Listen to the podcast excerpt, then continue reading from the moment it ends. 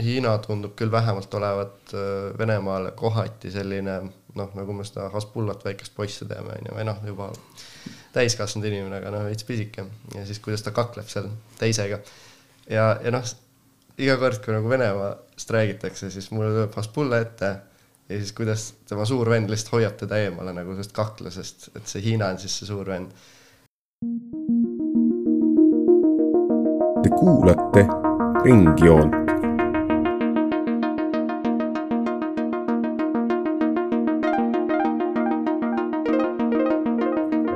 Joon ringis.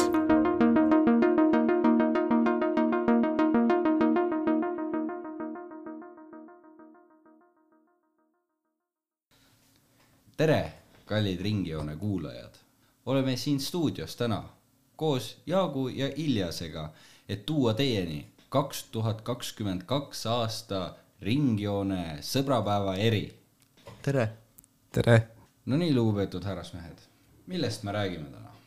Ukraina, ja Venemaa, sõprus vendlus, või viha, või armastus? arvatavasti mitte ükski neist. võib-olla kõik neist. no aga hakkame siis ühest otsast pihta, et kas praeguse maailma olukorra juures võib Ukraina ja Venemaa vahelisest kriisist eskaleeruda sõda või pigem mitte? minu perspektiivist eh, mastaapset sõda ei.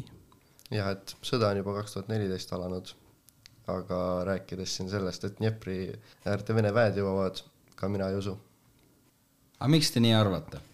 noh, näiteks seda ei tule esiteks sellepärast, sest ka Putin saab aru, et Venemaa ja NATO potentsiaal ei ole omavahel võrreldav, kuid ta mainib seda, et Venemaa on tuumariik ja võitjad sellest konfliktist ei tule. eks see oleks ebaratsionaalne tema poolt alustada taolist konflikti Ukrainaga. kineetilist sõda tõesti siit äh, ei ole oodata. räägitakse viimasel ajal, et oi, kas NATO väed lähevad Ukrainasse. see on veidi ebareaalne. ma, ma isegi ei saa sellest aru, et me räägime üldse Ukrainast ja, ja NATO-st, et see on üks ja sama asi. kõik need aastad, mis nüüd see konflikt on kestnud äh,, selline teema nagu Ukraina NATO-s ei ole kunagi nagu päevakorras olnud. Ja nüüd, kui on sada tuhat ja rohkemgi Vene väge äh, piiri taga, on järsku kõik rääkimas sellest, et Ukraina justkui nagu oleks ja võiks olla NATO liige. et see on kummaline, aga jah, ka minu miks ei tule sõda, tuumarelvad, see on, mis hoidis külma sõja külmana. Ja see on ka see, mis hoiab tegelikult kahekümne esimesel sajandil, ma usun, konventsionaalse sõja vähemalt suurriikide vahel, nagu me oleme õppinud ajaloos kahekümnendal sajandil vähemalt ja varemgi, seda ei kordu enam. et minu jaoks ongi naljakas see, et eh, kui tuleks sõda Ukraina ja Venemaa vahel, a la USA ja teised NATO riigid lähevad ka sõtta Ukraina poolele, aga ju see ongi koomiline koht, sest eestlastel on tekkinud päris tihti küsimus, et kui Venemaa ründaks Eestit, kes on NATO liige, kas USA oleks Eesti pärast nõus astuma sõtta Venemaaga? Rääkimata Ukrainast, kes ei ole NATO liige. eks see on ka väga palju nagu noh, tänu meediale, kuidas see pilt nagu kujuneb, et viimasel ajal on ka räägitud sellest, et palju tänu Putinile on NATO jälle saanud uue hingamise. tänu Putinile on leidnud jälle Euroopa mingi sihi, noh, mitte iga riigi suhtes selles mõttes, et noh, vaatame Saksamaad, on ju, me saadame ainult kiivrid, et noh relvi ei hakka saatma. loomulikult ka näiteks viimati tuli uudis, et Iisrael ei ole nõus laskma oma relvi saata Eestil või no üldse Balti riikidel. ja noh, seal on jälle omaette mäng taga, aga kuna Putin nõudis neid garantiisid, siis üks asi nende seas, nagu me teame, oli ka see, et NATO ei laieneks ja ka üldse, et üheksakümmend seitse aasta ja sellest edasi NATO liikmed tegelikult või noh, see liikmelisus on kehtetu või, või tunnistada kehtetuks. loomulikult said aru Rootsi ja Soome näiteks, et see tähendab, et ju neile pannakse käsi ette, see tähendab ka tegelikult igasugune koostöö, igasugune julgeolek kaob nendel kahel riigil ära. ja kui me räägime seda üheksakümmend seitse aasta edasi liikmeid ei tunnista või noh, et, et need välja visata NATO-st justkui, siis see tähendab ka, et tegelikult terve Ida-Euroopa siis jääb kaitseta, terve Varssavi pakt põhimõtteliselt. Need potentsiaalsed sanktsioonid, mis tuleksid lääneriikide poolt Venemaa suunas, kui peaks eskaleeruma konflikt Ukraina-Venemaa vahel, need oleksid meeletult laastavad Venemaa majanduse jaoks. esiteks, see SWIFT süsteemist eraldamine oli üks sanktsioonide ettepanek, mis on põhimõtteliselt siis rahvusvaheliste pankade, pankade vaheliste sõnumite edastamiseks kasutatav süsteem. teoreetiliselt inimesed ei saaks, nad oleksid eraldatud muust maailmast, ütleme niimoodi. Aga kui Venemaa nii-öelda võtab vastu selle, mis lääneriigid nii-öelda sanktsioneerivad neile, aga noh, nagu me teame, siis Venemaa ja Hiina saavad üpris okeilt viimasel ajal juba läbi, et tegelikult kui mitte vaadata lääne poole, siis Venemaal tegelikult on päris tugev mõjuvõim Aasias koos Hiinaga, et tehniliselt nad ju kahekesi suudaksid koos Aasia riikidega ära toimetada, ütleme, need nii-öelda täpselt kriisi keskmes sel hetkel olevad rasked ajad. et kas need sanktsioonid on just need, mis suruksid Venemaa põlvili? see on hea suunitlus, sest näiteks kahe tuhande neljateistkümnendast aastast, kui Venemaa justkui okupeeris Krimmi, siis sellele järgnesid sanktsioonid ja peale seda Venemaa on päris palju tähelepanu ja finantse ja nagu koostöö proovinud siduda just Hiinaga. ja kasvõi see Power of Siberia pipeline, mis ehitati kahe tuhande üheksateistkümnendal aastal see kaubavahetus Hiinaga kahe tuhande kahekümne esimesel aastal just gaasi perspektiivist oli kuusteist koma viis miljardit kuupmeetrit gaasi Venemaast Hiinasse. teoreetiliselt isegi kui Hiina ei, otseselt ei ole Venemaa liitlane, ta on sellegipoolest loodusressursside pärast seotud Venemaaga väga tihedalt ja kas, sõltub, kas seotud või lausa sõltuv? ma arvan, sa võid jah, sünonüümidena neid antud aspektis võtta. see on jah huvitav mõelda, et kui laiaulatuslik see koostöö saab olema, ütleme, kui tõesti see žüristist välja lülitatakse Venemaa. kui me Hiina puhul oleme näinud, siis tegelikult ta on alati ja üritab mängida ikkagi ettevaatlikku ja tagasihoidlikku mängu ja pigem majandusvaldkonnas, mitte nagu Putin meeldib, et hüppan kraavist välja ja hakkan sind noaga kuradi ähvardama. et noh, nende taktikad lääne ühtsuse mõjutamisel on väga palju erinevad ja, ja kui rääkides näiteks sellest gaasist, siis jah, tõesti Euroopa, kui meil nüüd vist on kolmandik Venemaast sõltuv maavarade või noh, energiavarade suhtes, siis jah, Hiina suudab ja, ja vajab varusid ja arvatavasti ka võtab üle kõik need, mis siis Euroopa ära põlgab. ja nüüd siis noh, ongi see küsimus, et, et äh, Hiina jah, muutub ja arvatavasti juba on vaikselt Venemaast sõltuv selle osas ja võib-olla sealt tuleb ka nüüd mingi sümbioos. kumb seda sümbioosi juhtima hakkab, see on jälle keeruline öelda ja noh, eks seda juba aeg näitab. et noh, see on, see on veits nagu naljakas, mis, mis Putja teeb, noh, ta üritab tegelikult olla suurte poistega laua taga, isegi laua peal, aga noh, nüüd ongi see küsimus, et kuidas need teised suured poisid siis aru saavad temast. Ja noh, ma lihtsalt ütlengi, et mida me oleme Venemaast õppinud kogu aeg, on see, et ta mõistab jõudu. kui sa annad talle järgi, nii nagu me räägime näiteks Tšehhoslovakkia osas, küll Hitleriga, aga et noh, praegu me saame rahu. praegu me näiteks ütleme, et Krimm on Venemaa osa. see ei rahulda sellist isikut, see ei rahulda kallist Venemaad, ütleks ma, lihtsalt rusikat näidata ja siis me saame edasi liikuda. aga kuidas vene rahva meelsus on Putini suunas, et siin kirjutati Putinile avalik kiri lausa väga kõrge ametniku poolt, et kas rahvas on pigem rahulolematu, rahulolev või vene rahvas pigem ei taha olla nii-öelda Putini sõjavahend. Ma lihtsalt kõrvalolijana äkki alguses ütleks, et ma ei tea, vähemalt mulle on tundunud, et sa ei, sa ei näe tegelikult nagu sellist suurt pööblit, kes jookseks Putjale järgi, ütleks ma, noh, ütlen võrdluseks, on ju, mis meil näiteks siin Kadriorus vahepeal, või mitte Kadriorus, vaid Toompeal iga, ütleme, mingi kahe nädala tagant toimub, kus üks mass tuleb kokku, on ju.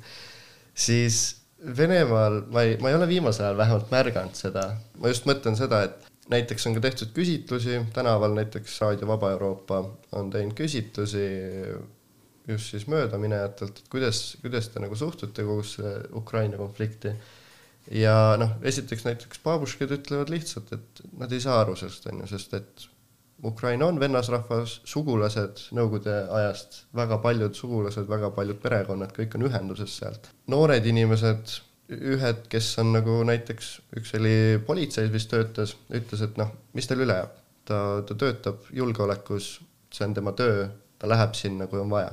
ja siis olid ka noormehed, sellised kahe-kolmekümnes ja noh, samamoodi, et, et ta on ju, nad on ikkagi vennasrahvas, nad ei saa aru isegi miks, sest Ukraina, kes on selline pisike riik Venemaaga võrreldes, ta ei ründaks kunagi Venemaad, see ei ole ju loogiline ega mõttekas. kui küsiti, et kas te ka läheksite sõtta sinna, siis noh, loomulikult mitte. aga noh, see on, mida ma näinud olen, kuulnud. jah, nagu siinkohal tasub mainida ära ka seda, et äh, Venemaal kui Ukrainas elab ülipalju inimesi, kelle sugulased on kas Ukrainas või Venemaal. võiks lihtsalt inimesed ei läheks oma sugulaste vastu sõdima. Nad ei näe põhjust sellel. see, mida telekates mängitakse Venemaal pidevalt, a la Solovjov ja teised kuulsad propagandistid, kelle villad on Euroopas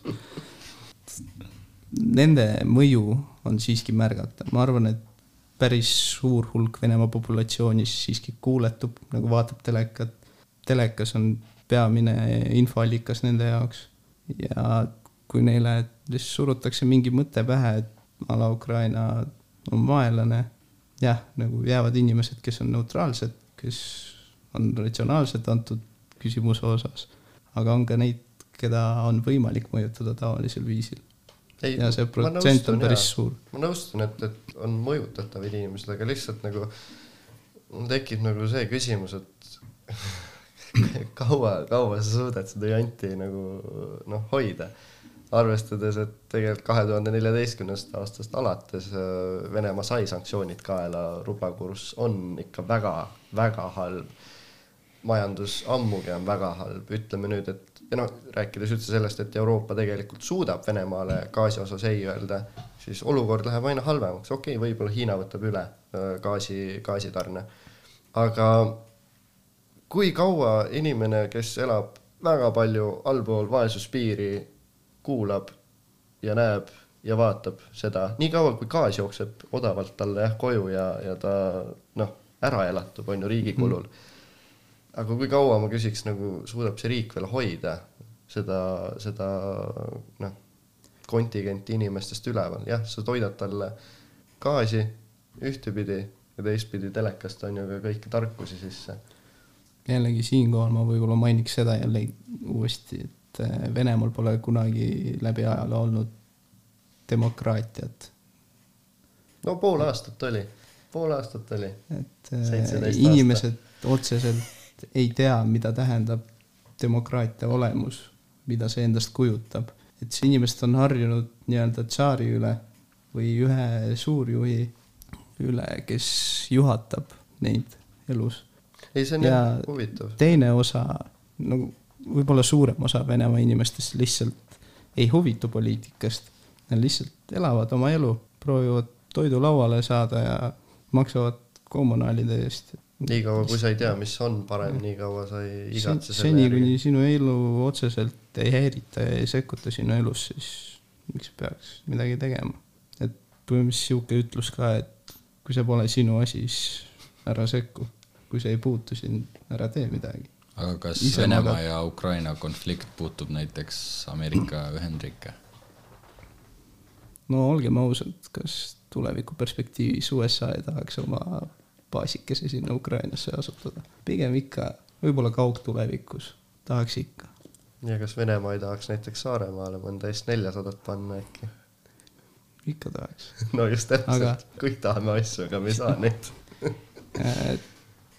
ma tooks siukse näite.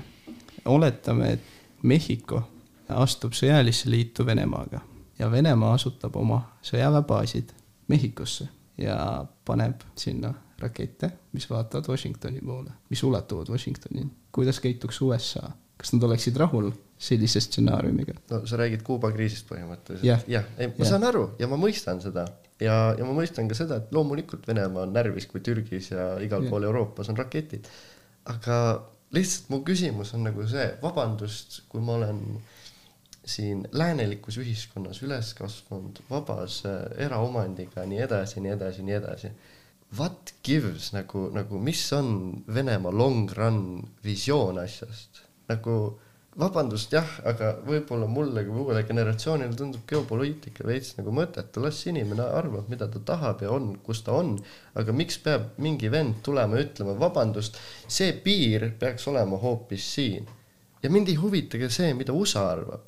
aga kuna USA on näidanud lihtsalt meile vähemalt, et ta suudab meie vabadust kaitsta nii palju, et ma saan rahulikult hingata ja süüa ja mõelda nii, nagu ma tahan, siis nagu mulle sobib see probleem ei seisne selles, probleem on selles, et püstitatakse süsteeme, mis on võimelised Moskva pihta tuld andma ühe nupuvajutusega just nendesse riikidesse, kus on NATO.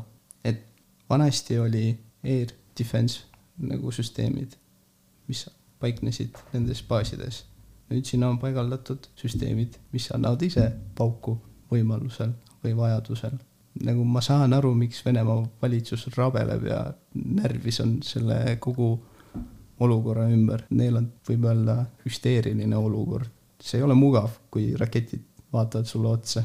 ei no ma saan aru, kui sa oled äh, pätikari valitsusel ja juhatad riiki, kus su inimesed kannatavad, vabandust jälle, valed väärtushinnangud Venemaa suhtes on ju tegelikult, sest nad ei tea midagi paremat.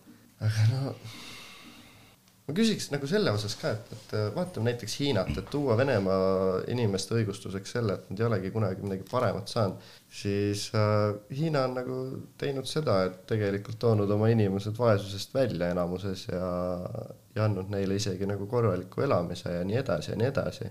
ja, ja keegi ei räägi sellest, et näe, nad teevad asju teistpidi, sellepärast et Hiina inimene ei ole kunagi tundnud vabadust ja mida iganes, noh, seal on ikkagi olukord väga halb, onju aga nad vähemalt kindlustavad esiteks oma baasi ära. nagu miks Venemaa sellega ei tegele, on minu küsimus. ma ei ütleks, et Hiinas on vaesusega meeletult hästi hakkama saadud. ei, loomulikult ei ole, me ei tea poolt tõde, mis seal on. Hiina rahvas elab äh, hullemates tingimustes ja piirangutes kui Venemaa rahvas. kasvõi vaata neid Google, Facebook, kõik on keelatud, kõik on oma sotsiaalmeedias kinni. Ja nüüd vist äh, võib äh, arvutimänge ka lastel mängida.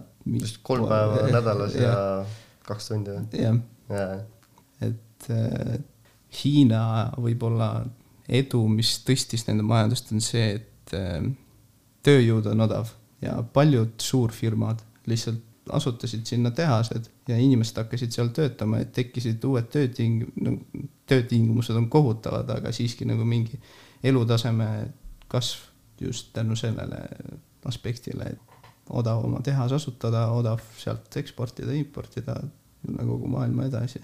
see inimtööjõud on jah, Hiina üks tugevusi nojah, nüüd see maksab kätte, sellepärast et tööjõud hakkab kalliks minema.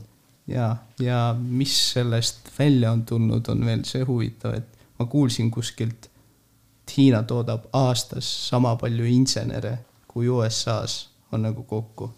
ja mõtle sellele potentsiaalile, kui Hiina peaks avama oma piirid, avama inimestele nagu võimalusi äriperspektiiviks, need inimesed, neid inimesi on tohutu hulk, potentsiaal on lihtsalt meeletu. lihtsalt Hiina muutub niivõrd dominantseks tulevikus. no miks Venemaa sedapidi ei liigu, see ongi minu küsimus, et noh, kui ta nende kuradi rakettidega kakleb ja, ja Ukrainaga, et nagu Venemaal tõstku, tal on, tal on sellised eelised olemas, et oma ühiskond nagu üles tõsta. ja, ja nagu vahepeal ma olen mõelnud, et noh, arvestades näiteks, kuidas meil riigis ikka noh, päris, päris paljud noh, kui sa uurid nagu ministeeriumite töid, sa uurid noh, kasvõi küberturvalisust on ju, me räägime, oleme Eesti Nokia, vabandust, aga peale tiigrihüpet üheksakümmend kaheksa nagu me elame selle etaloni pealt, meil ei ole mingit arengut toimunud. Ja noh, sa vaatad neid mahajäämisi, neid puudujääke, võrdleme ennast näiteks Hollandiga, kes on sama suur riik, ainult üks vahe on, kui palju on inimesi, kui palju on seda kapitali, seda inimkapitali. ehk siis riik toimib, on ju, noh, siis kui sul on väga palju inimesi, siis töötab see riigiaparaat ja sellepärast ma olengi mõelnud nagu, et väga hea on iseseisev olla, aga kui meil ei ole inimesi, et seda riiki hallata, siis no mm. see on nagu bullshit. ja tõde on see, et, et ida ja lääs kui selline võimujaotus geopoliitiline, jah, see ei kao kuhugi, ma ei tea, miks, on ju, me keegi ei tea, miks need on või noh, me võime rääkida, miks need on. aga ma ootaks, et see ida oleks nagu ahvatlev, et see ida ei ole lihtsalt välikäimla kuradi Jaanilinnas ja, ja pekkis asfaltteed ja nagu, et sellel oleks mingi väärtus, noh, ma saan aru. olla oma, olla ise on ju mingi asi, aga, aga olla nagu väärtuslik selles mõttes. nagu Venemaal on siiski see mugavustsoon, et äh, mugavustsoon nende inimeste jaoks, kes on tipus ja isegi kui keegi asendab neid, tulevad täpselt samasugused inimesed asemele. see on kogu aeg Venemaal taolisel viisil töötanud. et üks läheb pensionile või teda pannakse vangi millegi eest a la kui ta ei sobinud, siis ta jääb kogemata korruptsiooni pärast vahele. tuleb keegi teine asemele ja siis see lihtsalt kordub täpselt samamoodi. ja mugavustsoon seisneb selles, et Venemaal on meeletul loodusvarasid. loodusvarad, mis, millest teised riigid on sõltuvuses, samuti ka Venemaa. ja nagu hiljuti Venemaa tuli välja uue lepinguga Hiinaga, mis on äh, gaasi ja naftaleping, mis on väärtuses sada seitseteist miljardit dollarit ja neil on tulevikus plaan ka ehitada uus toruke, mis viiks gaasi Hiinasse ja selle potentsiaal on ka meeletu ja see jällegi võib-olla tõstab seda Hiina sõltuvust Venemaast ka. aga kas see tähendab kohati seda, et nüüd Venemaa justkui on pööramas oma tähelepanu ära Euroopas siis? ma, ma küll, ma küll ei tea, millist tähelepanu ma siin mõtlen, aga noh, näiteks kui ta gaasi suunab kõik Hiinasse, onju, siis kas ka kogu, kogu oma võimuvõitluse ta suudab või suunab Hiinasse, selle asemel, et Euroopas kakelda siin piiride üle. või ta lihtsalt kindlustab enda tagala selleks, et võidelda siin Euroopas edasi. sa pead siiski aru saama, et sa ilmselt saad aru, et iga riigi huvides on võidelda oma huvide eest. jah, jah, kõik oleme Civi mängijad, ja kõik teavad. et eh, nagu paljud ütlevad, poliitikud on professionaalsed valetajad ja manipuleerijad. Venemaa samuti manipuleerib praegu võib-olla selle Ukrainaga, pani oma sada tuhat inimest sinna piiri juurde. ütles, et kui te kinnitust ei anna meile, et eh, NATO ei tule sinna, siis, siis tuleb äkki midagi rohkemat, aga kuigi Venemaa minu teada on väitnud, et sõda ei tule. et miks ta ainult väidabki, ta ainult väidabki, et seda ei tule. et miks te nagu seda kära ja müra tõstate ja selle tagamiseks, et eh, seda võib-olla võidumängu teatraalset etendust mängida, on vaja tagada endale igaks juhuks tugev liitlane, milleks on Hiina ja seda teeb Venemaa edukalt praeguse seisuga. kas Venemaa riigijuht Vladimir Putin kukub lähiajal või ei kuku? ma arvan, et ei kuku kuhugi ja isegi kui ta kukub, siis botoksi kogus, mis tal näos on, siis tõstab ta uuesti jalule. aga nali naljaks, et Venemaa luureagentuurid, kui te kuulate seda podcast'i, siis palun vabandust. ma arvan, ei kuku ta kuhugi, et seal nüüd sa said just rohelise tule luureagentuuridelt. et Putin ei kuku kuhugi, ta on taganud nii-öelda oma liitlastele mugavaid istekohti, mida nad ei oleks ilma temata suure tõenäosusega saavutanud. ta on oma mehi enda ümber asetanud ja ma ei tea, nad elavad õnnelikus sümbioosis ja teevad seda, mida ihaldavad ja mida peavad õigeks. aga ma mõtlengi, et kuidas ta üldse võib vastata kogu sellele, kes see oli see kindral, kes kirjutas nüüd selle avaliku kirja siis Putinist, jäta jama nagu, et rahvas on piisavalt saanud peksa ja, ja see korruptsioon. nagu mõtlengi, et kui sul kõige kõrgemad sõjaväelased räägivad sellisest korruptsioonist avalikult riigi peale, siis noh, tegelikult ju me saame aru, et vene rahvas ei ole rahul, nad ei ole harjunud selle asjaga. ja, ja noh, ma mõtlengi, et kui selline kontingent nagu on vastu sellele, ütleme, Putin tahab väed üle piiri viia, kas on võimalik, et hoopis Moskvas tehakse väike riigipööre? riigipöörde küsimuse osas ma vastaks niimoodi, et, et kukutada praegust valitsust on vaja massilist liikumist üle kogu Venemaa. aga selle tõttu või tänu sellele, et Venemaa on nii suur, seda ei anna korraldada, sest see kommunikatsioon ei levi nii kiiresti igasse piirkonda. ja nagu ma juba ütlesin, Venemaal elavad inimesed põhimõtteliselt võib-olla minu perspektiivis niisuguse mentaliteediga, et kui see mind otseselt ei puutu, siis mina ei hakka sekkuma, sest ma ei taha nende tagajärgedega nagu mingit asja pidada. ma ei taha, et mind vangi pannakse või minu lapsi vangi pannakse, visatakse ülikoolist välja, näiteks tudengite puhul. et inimesed võtavad kinni nendest võimalustest, mis neil praegu on ja piirid on avatud, et kui sa ei näe enda tulevikku Venemaal, siis sa võid lihtsalt välja kolida sealt, et mida paljud noored teevad ka Ukrainas, Valgevenemaal ja Venemaal ja eriti seda märgata nende inimeste seas, kes on IT-sektoris suuresti. Silicon Valley's on nagu meeletu hulk ukrainlasi, venelasi ja valgevenelasi. nii et Ukrainas, Valgevenemaal ja jällegi Venemaal on meeletu hulk startup'e just IT vallas. ma ei saa ikkagi aru, kelle eest Putin võitleb, kui kogu tema kuradi noorsugu minema jookseb ma ei saa sellest aru, ta räägib vene rahvast ja ma austan seda kallist rahvast, kes seal piiri taga on, aga no jopant on, ma ütlen selle kohta. me oleme leierdanud palju Venemaast, räägime Ukrainast. mis Ukraina rahvas teeb, kuidas Ukrainas sisepoliitika on? Zelenskõi on nüüd paar aastat saanud ees olla seal, lubas sõda lõpetada, ütles, et tuleb lõpetada tulistamine, siis ka sõda lõpeb, konflikt lõpeb, aga tegelikkuses asjad nii hästi ei ole läinud hiljuti ju kohtusid Euroopa riigipead ja, ja pidasid suure, mitte nüüd nii suure, aga vestlusringi maha Ukraina kriisi kohta, kuhu minu teada Ukrainat ei kutsutud või ei kaasatud. nii et kas Ukrainas toimuv kriis on tegelikult Ukraina ülene hoopiski ja kuidas ukrainlased ise nagu võivad näha seda? ma võib-olla korraks ütlen, siis saab heaks sõna, et et kogu see sõjaline hüsteeria on võib-olla nagu Ukrainale iseendale kasulik. sest selle taha võib ajada nii-öelda majanduse stagnatsiooni, et miks majandus ei arene, miks elu paremaks ei muutu. a la meil on naaber idas, kes ei anna meil rahulikult elada ja me ei saa selle tõttu midagi paremaks muuta. ja sedasama ütleb Venemaa lääne kohta aga jah ja,. aga Venemaa vähemalt ehitab torusid Hiinaga mida Ukraina teeb. no vabandust, et Ukraina põhisissetulek oli seesama gaas, mida Venemaa kontrollis. ja mida nad vahepeal keerasid kraane ja valasid endale veits seda gaasi. no loomulikult, loomulikult, mis, mis muu mõte on transiitriigil kui see, sa võtad veidi vahelt kaheksast üheksani keerad kraani kinni kraani lahti. aga jah, ma ei, mida teeb Ukraina?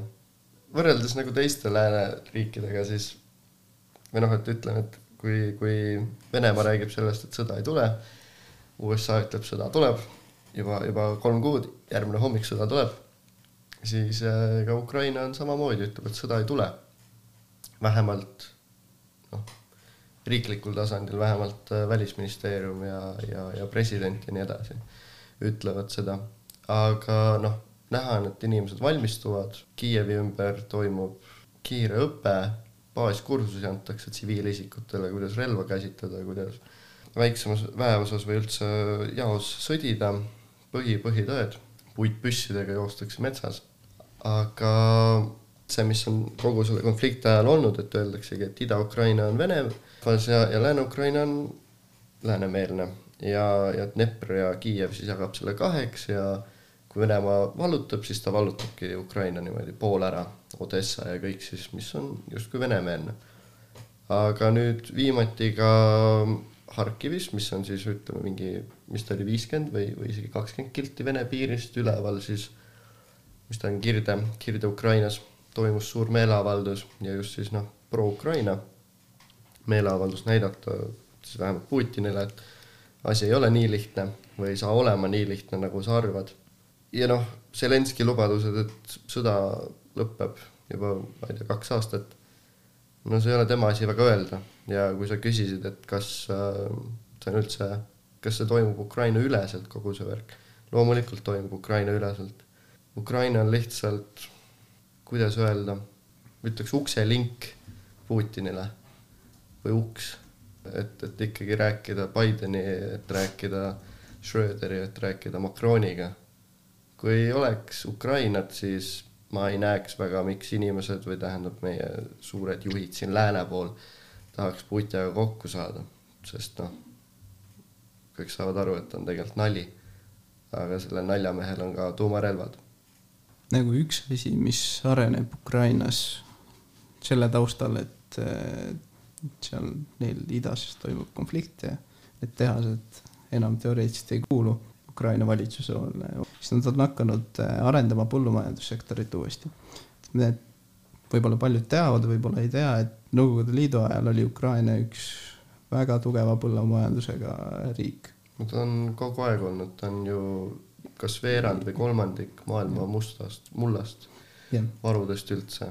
ja nüüd hiljuti Zelenski presidendi ajastul äh, nad on hakanud seda teemat uuesti ajama ja peamine ekspordiallikas ongi se- seotud nüüd äh, põllumajandusega. et vanasti oligi see rauatooted ja toornafta liigituse alla mingi, ma ei tea spetsiifiliselt, aga igatahes rauatooted olid peamine ekspordiallikas ja nüüdseks on see asendatud põllumajandustoodetega. ja üks huvitav asi oli ka see, et näiteks nüüd viimati, kui ma õigesti aru saan, siis oli emigreerunud Ukraina kogukond USA-s ja, ja siis kuidas nad küsisid, et te küsite, miks, miks Ukraina matters või noh, miks, miks ta loeb. ja siis noh, see oli küll väga naljakas selles mõttes, et noh, ega seal ei räägitud otseselt Ukraina rahvast ega midagi, vaid räägiti sellest, miks Ukraina on maavarade poolest tähtis ja kuidas titaani ja raua ja siis noh, rääkimata on ju põllumajanduse mõttes no, üks, üks toppides, esikümnes olev äh, riik ikkagi väga paljudes äh, tootmisalades. jah, sa peaksid aru saama, et eh, need mõlemad võimustruktuurid ja võimu ülesehitus nii Ukrainas kui ka Venemaal on põhimõtteliselt identsed. seal on alati samasugused probleemid olnud. ainuke vahe, mis võib-olla nende kahe vahel on, Ukrainas on presidendid muutunud aeg-ajalt. ja mul on ka tunne, et Ukrainas nähakse rohkem, mis läänes toimub, kui sul on Poola ja Ungari ja kõik piiri taga. siis kui nähakse, sul et, kuidas saab ka paremini elada. jah, kui sul töövõimeline elanikkond lihtsalt lahkub riigist, siis ja tagasi tulevad koju, siis on kellel rääkida sellest. aga see kogu võimu ehituse struktuur on põhimõtteliselt identne Venemaa omaga ja mida nagu viimase aja jooksul võib samuti märgata, et kahe tuhande kaheteistkümnendal aastal oli Ukraina populatsioon NATO-ga liitumise eest viisteist protsenti inimestest tahtsid NATO-ga liituda kaheteistkümnendal aastal ja kahekümne esimesel oli liitumise pool juba viiskümmend neli protsenti. et äh, kõiki neid jamasid, konflikte ja muid asjaolusid arvestades inimesed Ukrainas on siiski tõstatanud soovi liikuda lääne poole. Ehk siis aitäh Putin, et sa Krimmi ära võtsid ja Jah. Ida-Ukrainasse väed viisid, sellepärast nüüd on rahvus kasvanud jälle üles või noh, üldse Ukraina rahvas sündinud. rahvuslustunnetus on taastunud inimeste sees. aga ma lihtsalt küsin, et kas see on fašism, mis seal toimub? niivõrd-kuivõrd ma olen ennast Vene uudistega kursis hoidnud, siis arvestades neid väljaütlemisi, siis me võime väita küll, et äh, ukrainlased on fašistid. õudne, õudne, õudne. miks me toetame neid, issand jumal. aga see kõik sai alguse just sellest, kui Maidani ajal äh, kasvas Ukrainas natsionalistlik liikumine. üks sellest tagamaid oli Pravi sektor, sihuke partei, Mhm. kelle eesotsas olidki natsionalistid ja kelle taga olid natsionalistid, nagu siuksed Banderovi pooldajad, et tavalised pooldajad olid Ukrainas päris kaua juba, juba teisest maailmasõjast, just äh, Lääne-Ukrainas, seal Lvovi kandist ja võib-olla nagu üks põhjuseid, miks neid võib-olla liigitatakse fašistide hulka, ongi just see asjaolu.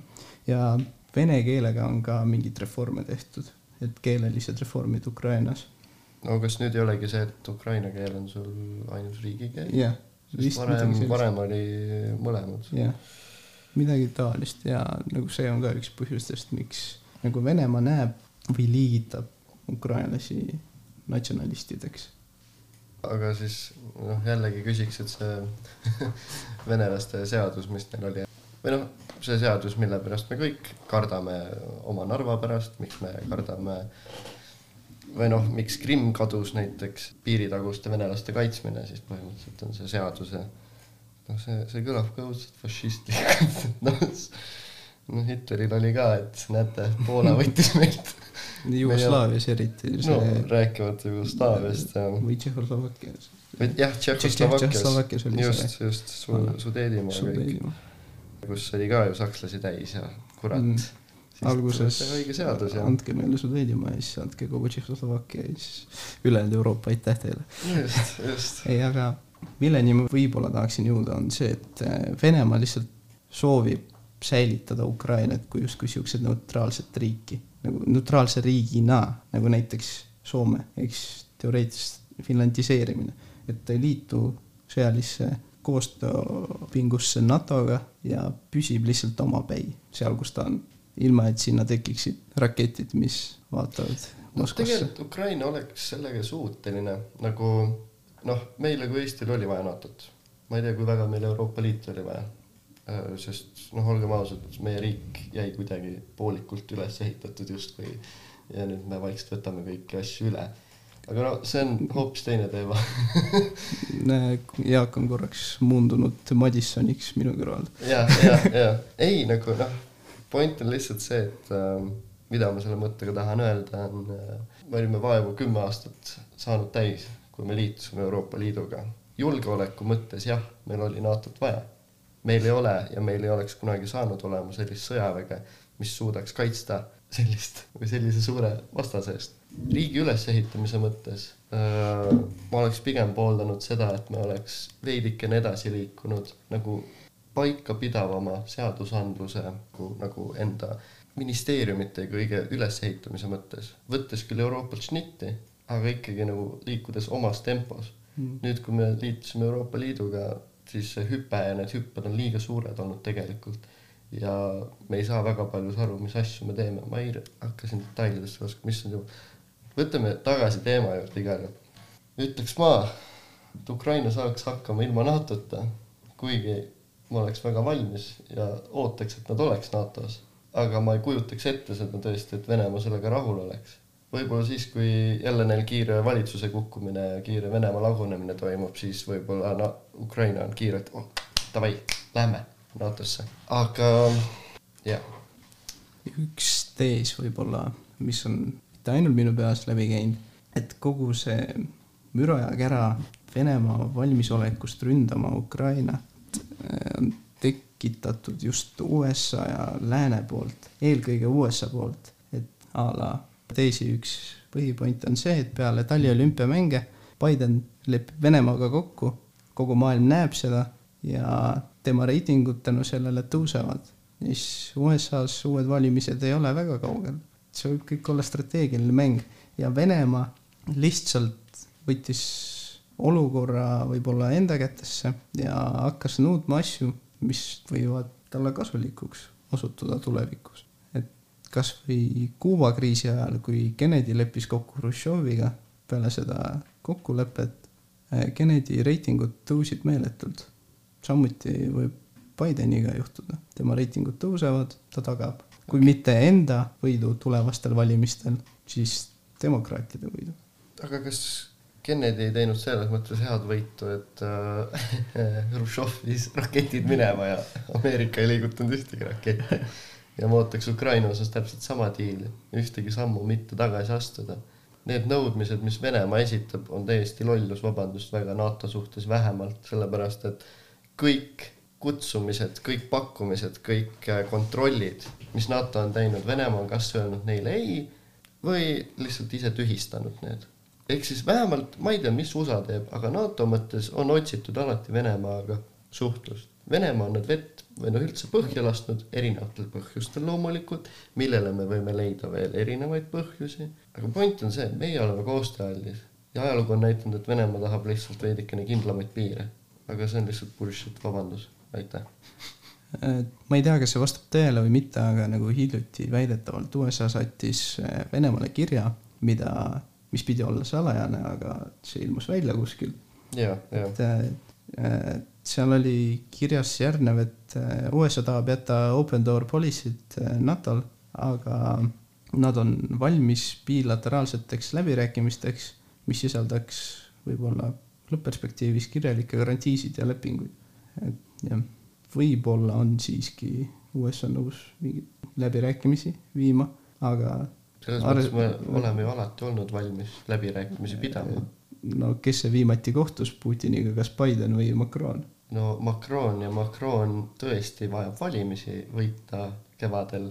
ja noh, vabandust, aga no see, see mees on üldse loll, no tõesti, no vaadates, kuidas need Euroopa kuradi riigipead järjest käivad seal rääkimata Borrellist onju, issand jumal, seda No. ühtsust ei suuda hoida ikka. Prantsusmaa on üks huvitav riik, et äh, iga pisiasja pärast seal rohelised mehikesed on väljas ja müravad ja põletavad. Mis rohelised mehikesed mitte, mitte, mitte need rohelised Need on mehikesed. lihtsalt tavalised. tavaline John tuleb sul tänavale ja hakkab kaklema. kuulge, aga sõbrad, jutuvestjad, meie siis ei ole ohus. Veel ja ja Ukraina ja Venemaa on tõepoolest sõbrad, kas on nii? Peskovi sõnul äh, kahe riigi vahelised suhted on põhimõtteliselt murtud, nii et jah. aga rahvas, rahvas on see, mis loeb ja duša, duša. duša, see duša, mis on ühel pool piiri ja teisel pool piiri. aga see piir olgu nii, nagu see oli enne kahte tuhande neljateistkümnendat aastat, siis me saame rääkida sellest, et see duša ühel pool piiri ja see duša teisel pool piiri võib-olla mõne aja pärast taas liituvad üheks. aga tegelikult, kui rääkida nüüd Venemaa ja Ukraina kriisist, siis olenemata sellest, kuidas see lahendub, siis mis saab Krimmi poolsaarest, kellele lõpuks kuulub Krimm?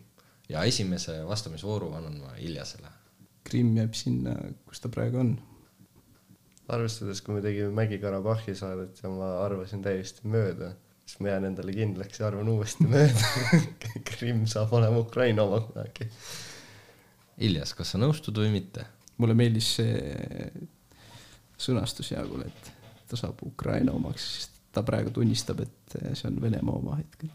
ei no de facto on, de jure mitte. Krimm jääb siiski Venemaa osaks. Krimmi ei anta tagasi. vaatame. liiga palju pappi sinna veetud. ma jään sellele kindlaks, üsna kindlaks, väga kindlaks. lõpetuseks ma tsiteerin äh, Putinit, see ei puutu üldse asjasse ja see on kontekstist välja võetud, aga kiviaeg sai läbi seepärast, kuna kivid said otsa. ma lisaksin ka siinkohal ühe Putini tsitaadi, mis kõlab Venemaa piirid ei lõppe kusagil. ma lihtsalt siis ütleks ähm, Iljase kinnituseks ühe ilusa asja, et Pat Buchanan on öelnud, et Putin ei elaks Krimmi tagasiandmist samamoodi üle, nagu ei elaks Netanyahu Ida-Jeruusalemma tagasiandmist Jordaaniale. aitäh. selleks korraks oleme lõpetanud ja vaatame, kummal oli õigus, kas Iljasel või Jaagul. kohtumiseni jätkusaates aasta aja pärast. aitäh, et meid kuulasite, loodetavasti on teil ilus sõbrapäev ja loodetavasti suudavad kõik jääda Euroopas sõpradeks